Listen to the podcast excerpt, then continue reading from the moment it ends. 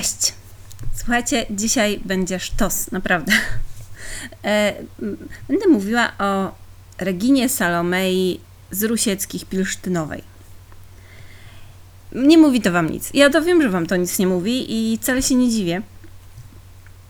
Bo jest to postać troszeczkę zapomniana. Chociaż e, w pewnych kręgach tych ludzi, którzy zajmują się dziwnymi rzeczami, jest nawet znana, bo właśnie była wyjątkowa. A kim była? To zaraz Wam opowiem, ale zapewniam Wam, wytrzymajcie chwilę tego wprowadzenia, bo to będzie naprawdę fantastyczna podróż, opowieść, e, gdzie będzie Stambuł, będą haremy, będą kochankowie, czego tam nie będzie, naprawdę będzie wszystko. Więc zacznijmy. Jest rok 1718, czyli no, no powiedzmy jest to bardzo dawno temu i sytuacja kobiet e, na ziemiach polskich jest wtedy dosyć średnia, to znaczy one nie mogą się kształcić, e, na pewno nie na wyższym poziomie i już na pewno nie zostają lekarkami. A Salomea z Rusieckich Plisztynowa została znachorką. Nie została lekarką. Ona nigdy się na lekarkę nie kształciła, ale została znachorką, ale jak to się stało, zaraz Wam powiem. W 1718 roku rodzi się właśnie Regina Salomea na Nowogródczyźnie i nie można wykluczyć, chociaż nie wiadomo tego na pewno, że była ona, no bądźmy szczerzy, plebejskiego pochodzenia. Cóż, y, co prawda w dzieciństwie opanowała czytanie i pisanie w języku polskim, ale nie zrobiła tego jak zbyt dobrze i nigdy do końca życia nie nauczyła się pisać specjalnie sprawnie i gładko, mimo że jest autorką bardzo ciekawych pamiętników, ale są one napisane no taką polszczyzną powiedziałabym bardzo potoczną. Robi mnóstwo błędów gramatycznych, ale przy tym e, ma olbrzymią swadę w opisywaniu swojego życia, a co to było za życie? Jak Pisała o sobie, że za młodu rada była strzelać i zawsze miewała pistolety, fuzje w drodze w kolasce. No, miała naprawdę temperament. Ale zaczęło się od tego, że jako no, trzynastolatka, niespełna czternastolatka, panienka Regina Salomea zostaje wydana za doktora. No, duży zaszczyt doktora Jakuba Halpira, luteranina, a e, Salomea została, e, była wychowana w bardzo surowym duchu katolickim. Ale tenże lekarz, no jakby doktor był, więc dobra partia, nieważne, że luteranin, zwłaszcza dla dziewczyny plebejskiego pochodzenia, był znanym lekarzem i bardzo sprawnym okulistą. Tuż po ślubie ta czternastolatka ze swoim świeżo poślubionym małżonkiem wyjeżdża do Stambułu. I tu od męża Siłą rzeczy, będąc w jego gabinecie, trochę mu asystując, uczę się podstaw wiedzy lekarskiej, przede wszystkim mm, w dziedzinie okulistyki. Całej reszty niespecjalnie zna, ale zna mnóstwo zabobonów i przesądów, które będzie potem skutecznie stosować. Znaczy, skutecznie. Będzie je stosować. Czy skutecznie, to inna sprawa. Ale tak, w międzyczasie ona jest w tym Stambule z tym swoim mężem pojawiają się e, inni lekarze, mentorzy, który, z których wiedzy będzie czerpać. Jest to pewien Turek i pewien Włoch z Malty, który trafił do tureckiej niewoli, który to tajemniczył ją z zasady pisania recept po łacinie i zaznajomił z łacińskimi nazwami ziół e, i, jak to pisała, dał recepty na różne defekta i przekazał kilka medycznych ksiąg oraz herbarz. W związku z tym Salomea no, zrobiła sobie taki powiedzmy prywatny kurs medycyny, pani Halpirowa wówczas. Była obdarzona pewną intuicją, głównie taką dosyć chłopską i ludową.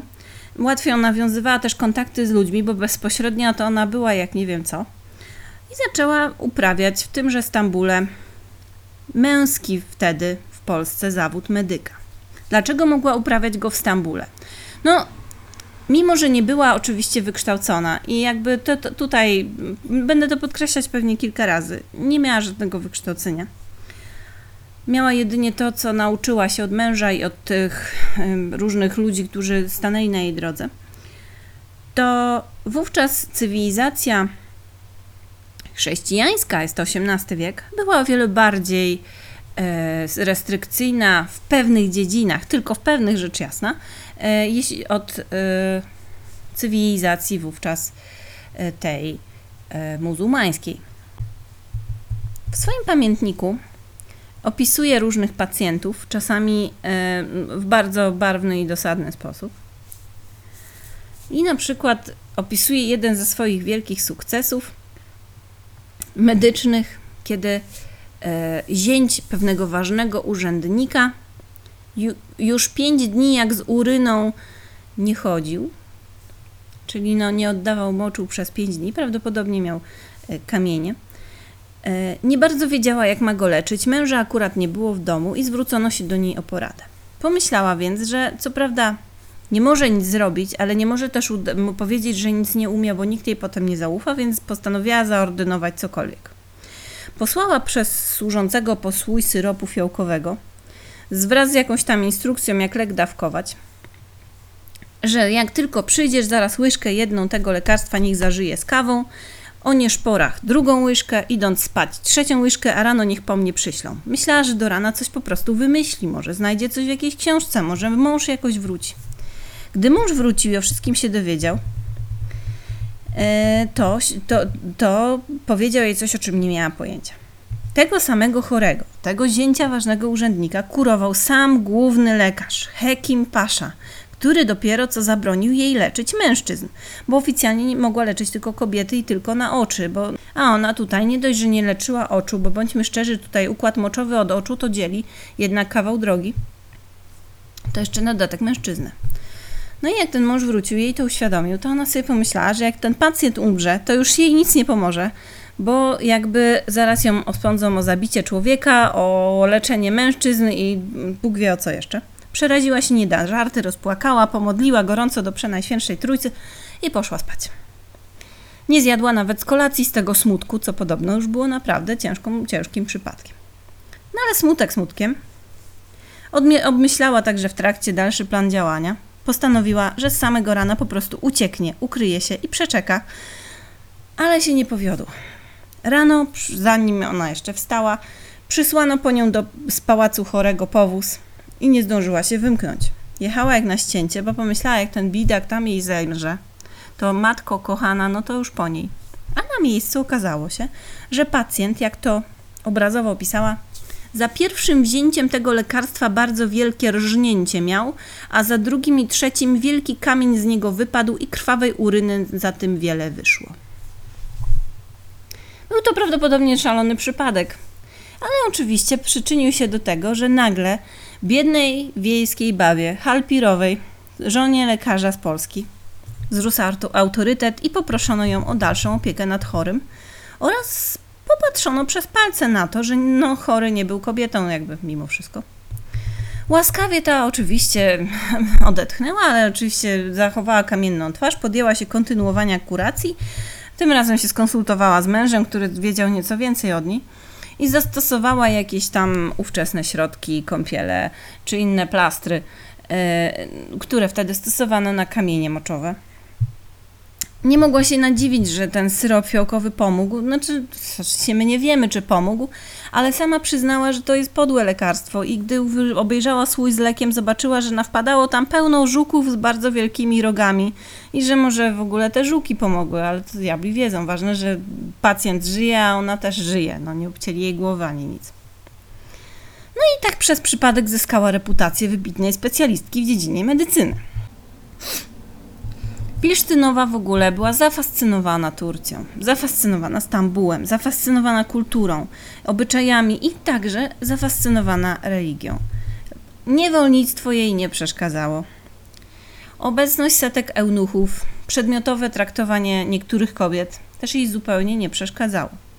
Była oślepiona tym, jak przepyszne i bogate są sułtańskie pałace i rezydencje paszów i bejów, którzy byli jej pacjentami. Uważała, że Turcja jest rajem na ziemi. Być może w porównaniu z jej wsią, Turcja, bądźmy szczerzy, była rajem na ziemi. Przypadek y, jej jest także o tyle nietypowy, że ona jakby y, istniała w tym świecie tureckim, e, osmańskim na jakby zupełnie odrębnych zasadach niż cała reszta. E, ponieważ właśnie była cudzoziemką i nie była muzułmanką.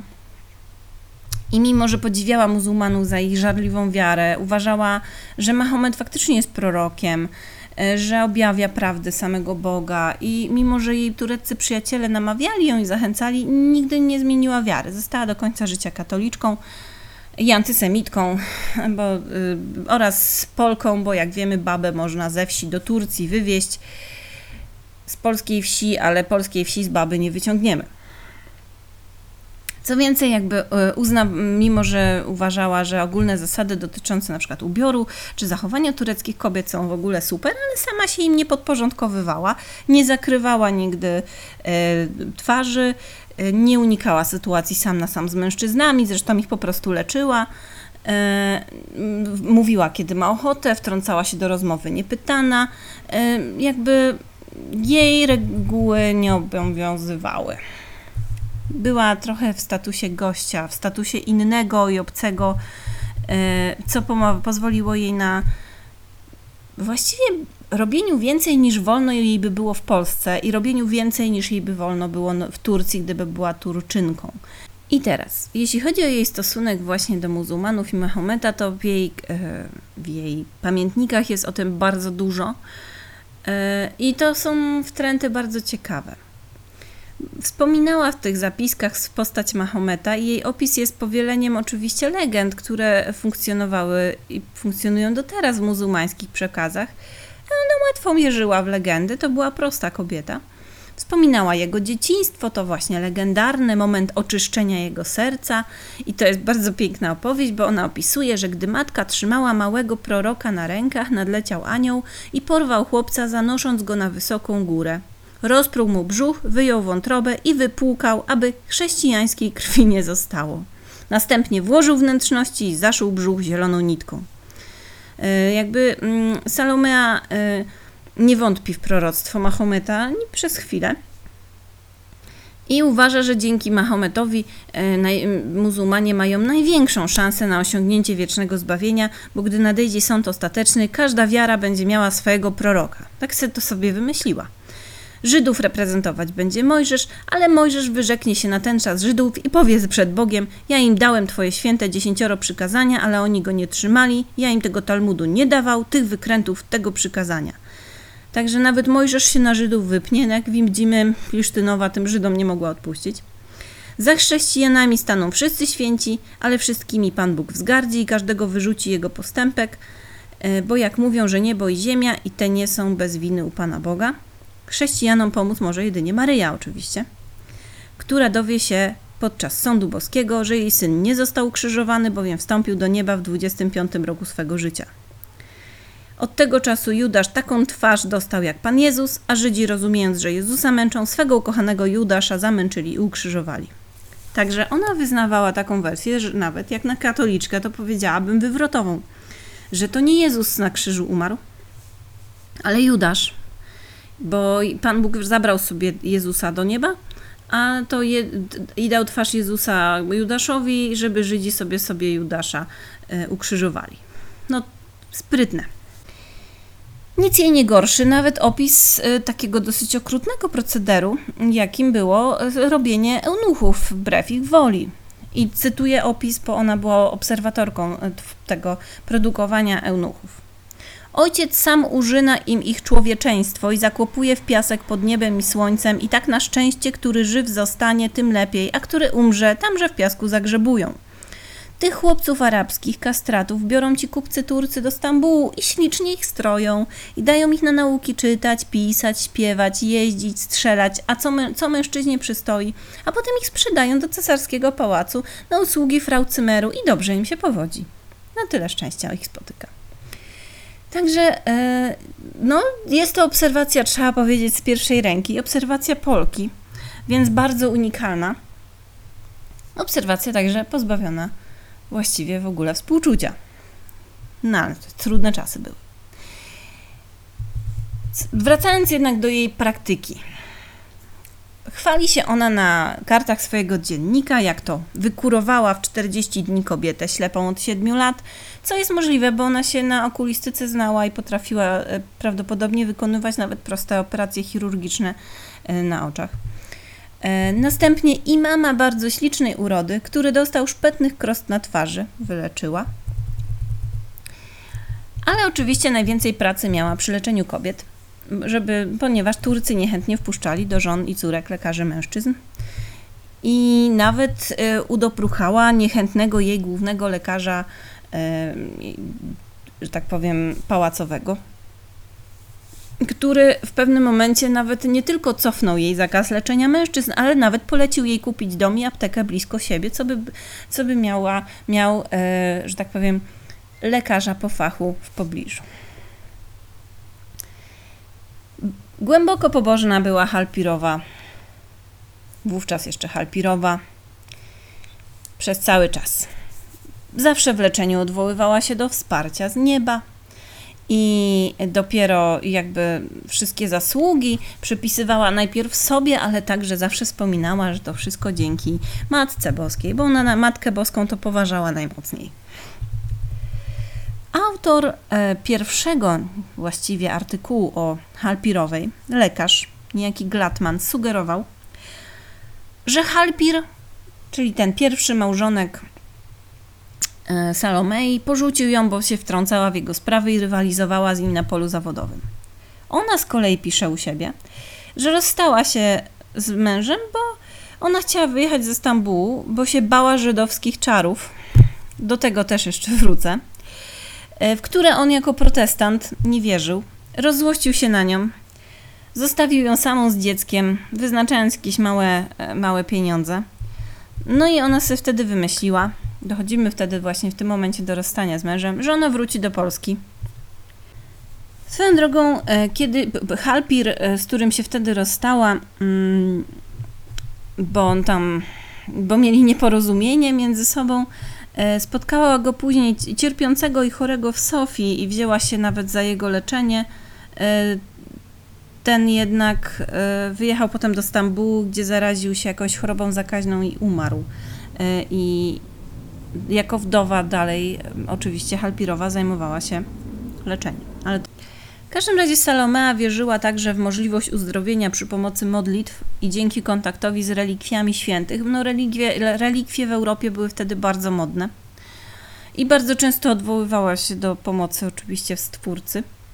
Mało tego, to jest bardzo ciekawe. Ja tu wspominałam, że ona niby uleczyła jakąś e, córkę pobożnego muzułmanina ze ślepoty, ale w tym opisie leczenia tej ślepoty ona powiedziała, że tej biedaczce wcześniej przyśniła się Matka Boska i obiecała, że przyje, przybędzie jedna białogłowa, co ją ze ślepoty wyleczy. Otóż muzułmance przyśniła się Matka Boska według Halpirowej co bądźmy szczerzy, musi być prawdziwym zmyśleniem nieszczęśnicy. E, znaczy nie tej śleptej dziewczyny, tylko Salomei. Salomea leczyła też członków swojej rodziny. Na przykład jej syn zachorował, jak wtedy mówiono, chorobę świętego Walentego, czyli padaczkę po prostu. Że miał ją podobno przez cały tydzień, co dzień, kilkanaście razy i nie było już nadziei na życie i jej doradzono, by z chorym Stasiem udała się do świątyni położonej niedaleko Ruszczyku, gdzie były relikwie świętego Dymitry, który za pomocą Boga na wszystkie choroby pomaga. E, no i lekarka pojechała do tej cerkwi i złożyła ofiarę. Dziecko włożono do trumny z relikwiami świętego Dymitra. Po zakończeniu mszy poppi wyjęli dziecko z trumny i podobno matce zdrowej wesołe dali. Ja nie wiem, może też bym wyzdrowiała, jakby mnie nagle jako dziecko do trumny włożyli, to bym kurna zrobiła wszystko, żeby mnie z niej wyjęli i była wtedy zdrowa i wesoła, ale to nie. No ale dobrze.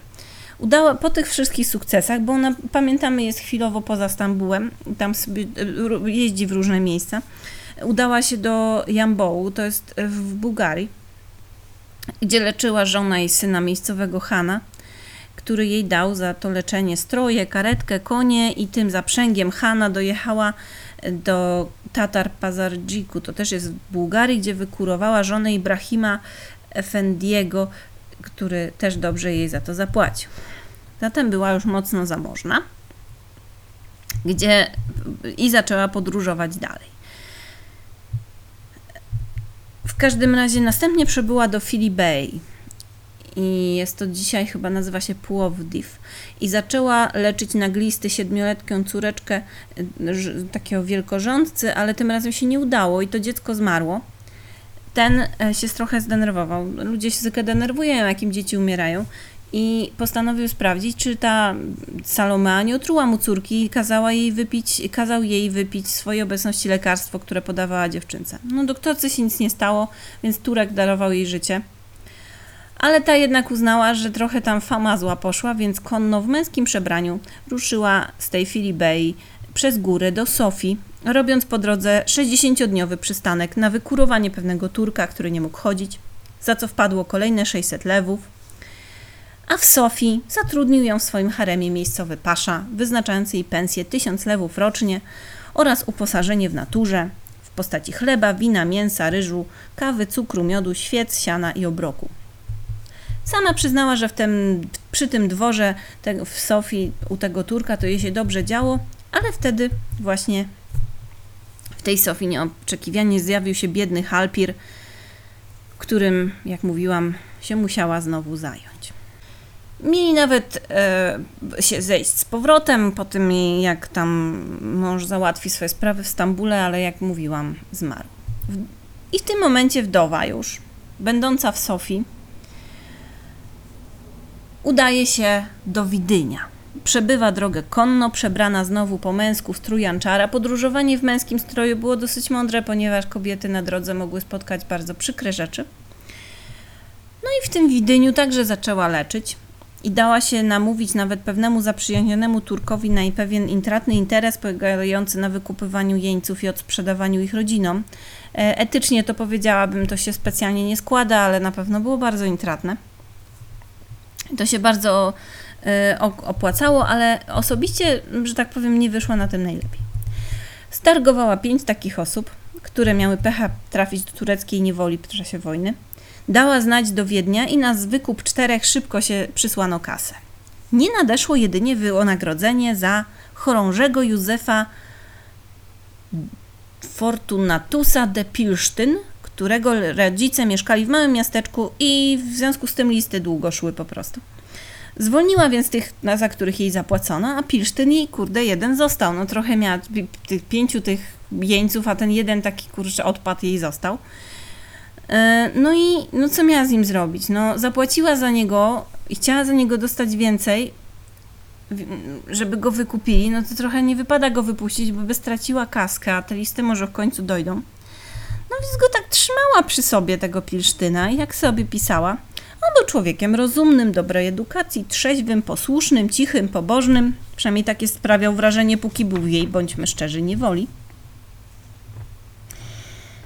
No i postanowiła, że no, nie, no trochę jej przeszkadza jednak, bo wozi ze sobą ciągle tego jeńca. Rodzina mu nie odpisuje, no więc pomyślała, no trzeba by go gdzieś zostawić na przeczekanie, odłożyć na półkę, bym powiedziała, więc to zostawi go w, w, u jezuitów, w barze. E, taka miejscowość. Aż do momentu, kiedy nie otrzyma oczywiście od, odpowiedniego okupu. Na wieść o tym, że ma zostać w barze, nieszczęsny Pilsztyn zaczął rzewnie płakać. Poskarżył się jezuitom, u których miał przebywać, o tym, że jest w areszcie. I mówi, ponieważ pani moja, imć pani Halpirowa, medycyny doktorka, wykupiła mnie z tureckiej niewoli i służyły mi jej lat dwie i ona jest z woli Boga wdowa, a ja jestem człowiek wolny, rad bym jej być przyjacielem dożywotnim. Obiecuję także sam honor, reputację i usługi potem po ślubie, jak i teraz, że jestem jej kupny niewolnik. Ojej, Jezuici jej to skwapliwie po, po, po, powtórzyli. No i Saloma zaczęła dumać. No dobra, skoro już wlecze ze sobą tego Pilsztyna od dwóch lat, kasy za niego nie widać. Myślała, no dobra, to za niego wyjdę. Ja nie wiem, kto tak robi. Ale może dla świętego spokoju to rzeczywiście było dobre rozwiązanie. Może się do niego przywiązała. No ja nie wiem. I wydawał jej się taki miły, pobożny i trzeźwy. No i w pewnym momencie z tego niewolnika, bo ten wojak austriacki przeistacza się nagle, no, w męża swojej właścicielki. Ślub odbył się w Dubnie, następnie małżeństwo udało się na Litwę. gdzie hetman Radziwił przyjął Pilsztyna do służby, by nadając mu stopień chorążego po znajomości nieco z, Pilsztyn, z no już w tym momencie Pilsztynową. No niestety ten Pilsztyn okazał się no trochę dwulicowy. Salomea tak się żali w, w dzienniku. Jak się ożenił, tak się odmienił. Żali się, że mąż ten ją strasznie dużo kosztował, bo nie dość, że go najpierw wykupiła, to potem on sprawiła mu ubrania, konie, broń, zegarki, tabakierki, no musiał jakoś wyglądać w końcu, jak już był jej mężem, to trochę nie wypadało, żeby wyglądał jak niewolnik. zrobiła mu te złote, sprawiła mu złote sygnety. No i, a on się okazał strasznie niewdzięczny. Podobno ten Żempilsztyn przy pomocy sługi podjął próbę otrucia żony. Sługa imieniem Stefan truciznę jej dał i podobno zjadła go, ją w makaronie i tak ciężko zachorowała, jak to pisze, żem ledwie nie pukła, choć żem 400 razy womitowała. Też bym pukła po 4, na 400 womitach. Potem cudownie Pan Jezus ją uzdrowił. Chodowa, choroba jednak zostawiła sporo śladów. Zęby jej powypadały, włosy oblazły, jak pisała, paznokcie schropowaciały. Nawet wszystka skóra się ze mnie złupiła. Może być to potwierdzenie e, prawdziwości podejrzeń o podaniu trucizny, bo rzeczywiście wygląda to średnio. Mm. W pewnym momencie e, uznała, jakby nie wiem, czy to w następstwie też tego otrucia, powiedziała, że, że jej noga, ponieważ leżała bardzo długo, jedna noga zrobiła się krótsza od drugiej. Jak to pisała, żyły pousychały z leżenia, że jedna noga krótsza od drugiej na pół łokcia. E, no, a ponieważ ona wierzyła w różne nadnaturalne moce, to mm, powiedziała, że trochę wyzdrowiała dzięki temu, że w nocy we śnie przyszła jej zmarła przyjaciółka, przyniosła jej słoik maści i powiedziała, że ta pomoże jej na nogę. No i e, była to maść koloru zielonego i nic więcej nie wiemy, poza tym, że maść podana jej we śnie pomogła. Niemniej ona miała taką teorię dotyczącą tej nogi, to już później, że to wina Żydów. No bo jak nie wiadomo, czyja to wina, to wiadomo, no znowu, musi to być wina Żydów. Że podobno, jaki, że to mogło być tak, że Żydon, żydowski lekarz ze Stambułu, niejaki Samson, mógł kazać ukraść jej bucik i odprawił nad nim czary i gusła, zakopał go w ziemi i dopóki gnił ten bucik, dopóki trwała choroba, a jak ten, ten cały e, bucik zgnił, to choroba ustępi, ustąpiła. Jak ona na to wpadła, to słuchajcie, ja nie wiem. No ale cóż powiem, wyzdrowiała, mimo żydowskich bucików i diabli W każdym razie choroba była długa i uciążliwa, miała też e, skutki jakieś tutaj, miała też Pisztynowa z tego powodu jakieś problemy psychiczne, miała bezsenność, przywidzenia, E, jakieś urojenia, wydawało jej się, że jest dzieckiem, potem wydawało jej się, że, mm, że powinna w kołysce leżeć i musieli jej kołyskę sporządzić, posłać i ją kołysać w niej. Jakby rozum jej trochę odjęło na chwilkę. Jakieś neurologiczne skutki ta trucizna bądź co bądź e, musiała mieć. No ale dobrze. 9 miesięcy, jak pisała, cierpiała. I w końcu postawiła się nieco na nogach, tak? E, poza tym odnotowała Salomea z pewną satysfakcją, że ten, że Samson, żydowski lekarz, o którego ona posądzała o zakopywanie jej bucików i skracanie jej nóg na odległość, e, to umarł jakąś dziwną śmiercią. Co dalej? Więc Rusiecka była w tym Stambule, potem pod, przebijała się tam przez Europę, po drodze przez chwilę spotkała tego swojego pierwszego męża, e, który zachorował, mieli się pojednać, umarł, potem e, wzięła jeńców, e, wyszła za jednego jeńca, ten ją otruł, ona 9 miesięcy chorowała. I co teraz? Myślicie, że to koniec? No, no nie. To jeszcze nie jest koniec. No tego Pilsztyna to nie wiem, co ona w końcu chyba się go jakoś tam yy, ten yy, pozbyła. No, urodziła mu dwóch synów. Ona w ogóle do dzieci to za bardzo przywiązana nie była. Ja wam zaraz powiem, co tam było. E, no i pozbyła się drugiego męża. I już myśl, powiedzmy, że myśleliśmy, że dobra, pochorowała, drugiego męża pochowała, może nadejdą spokojniejsze czasy, ale nie. Poznała, na swoje nieszczęście wzięła, no tak, to, to, no taka wrażliwa chyba na wdzięki męskie była, bo poznała pewnego kawalera, kochanka, nie zamierzała za niego już wychodzić, już była na to za mądra.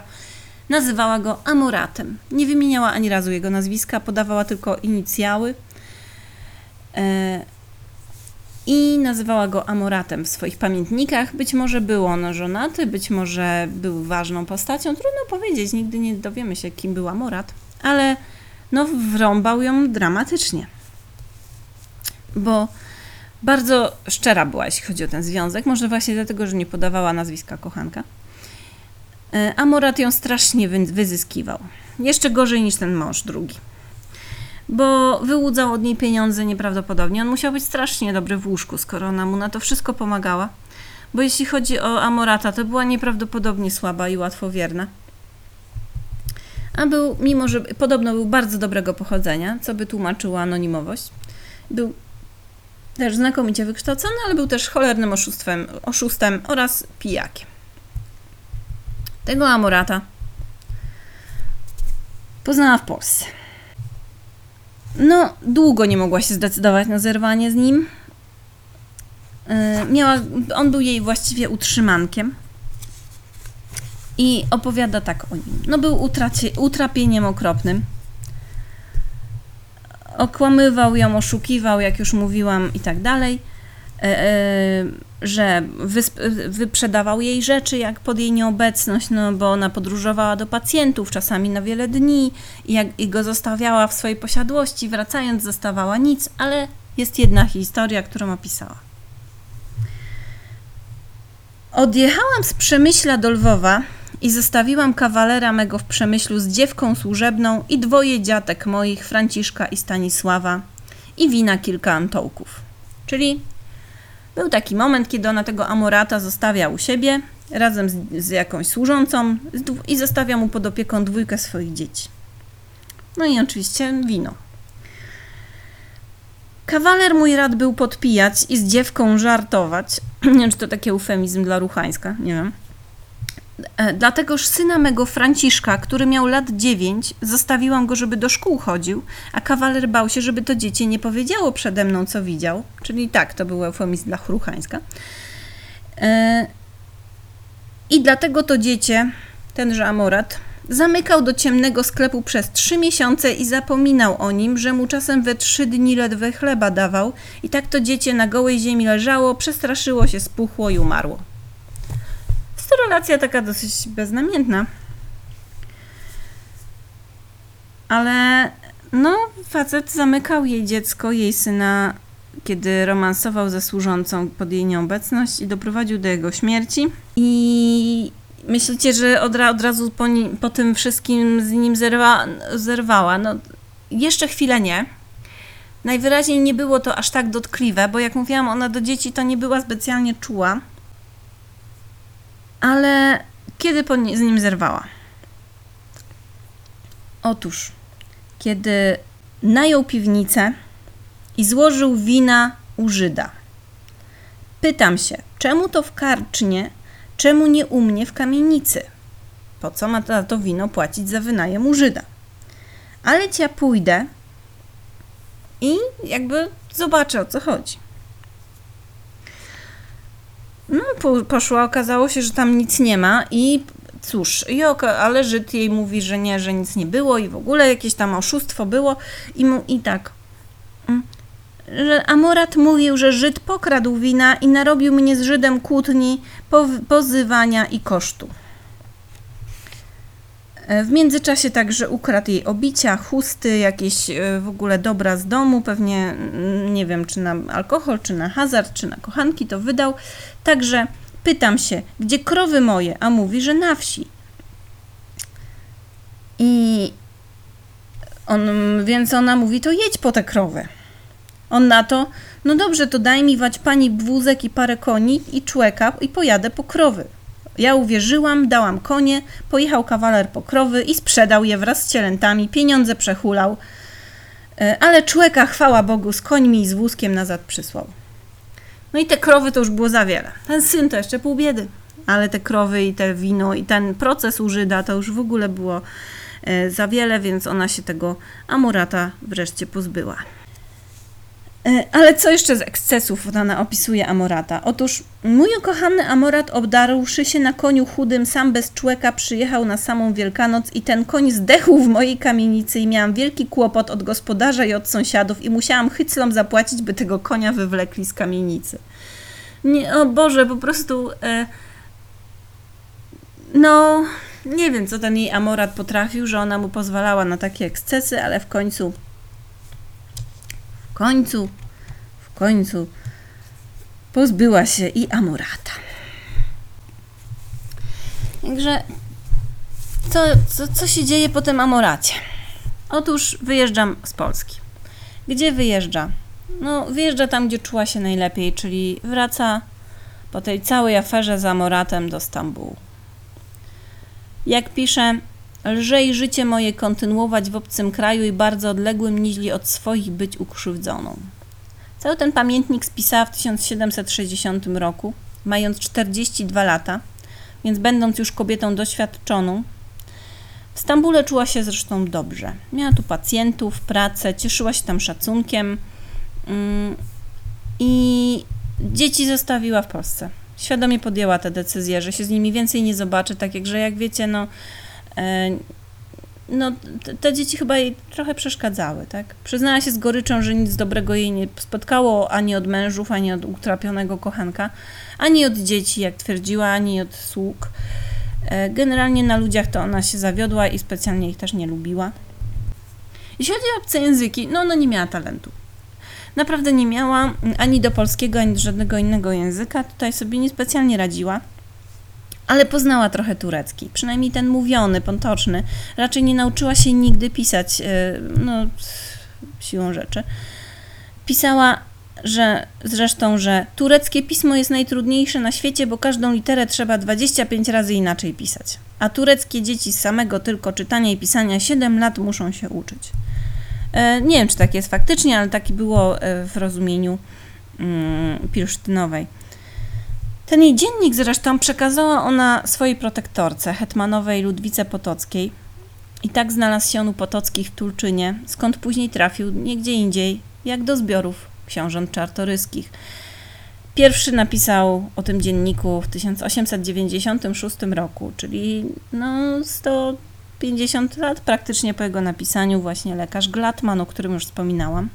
W- artykule doktorka medycyny i okulistka polska w XVIII wieku w Stambule. Ona nie była doktorką medycyny, ani okulistką. Jak, niemniej e, z perspektywy czasu można uznać, że w pewnym sensie była polską lekarką w Turcji. No, trzeba przyznać, że no, nie da się tego inaczej pod pewnymi względami określić. 1939 roku w miesięczniku Medycyna i Zdrowie ukazał się krótki artykuł także o niej, a już po II wojnie światowej w 1957 roku wyszło książkowe opracowanie tego pamiętnika opatrzone przypisami. I tak Pilsztynowa przeszła do, no, do historii jako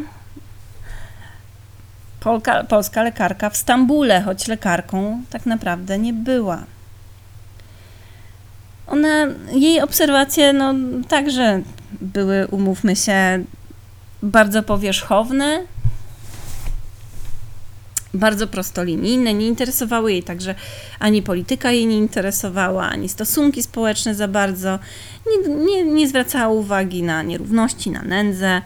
Właściwie wszystko uważała za porządek świata, także ciężkie położenie chłopów zarówno w Polsce, jak i w innych krajach e, uważała za pewien porządek rzeczy, który ma być. Niewolnictwo też jej nie przeszkadzało, zresztą, no, jak wiemy, sama miała niewolników. Była jednak niezmordowanie ruchliwa. Właściwie była glob, globtroterką e, i w pewnym sensie emancypantką. No, nie możemy jej tego zabrać. Nie wiemy, kiedy dokładnie zmarła. Wiemy, że na pewno no, po 1760 roku, kiedy napisała pamiętnik.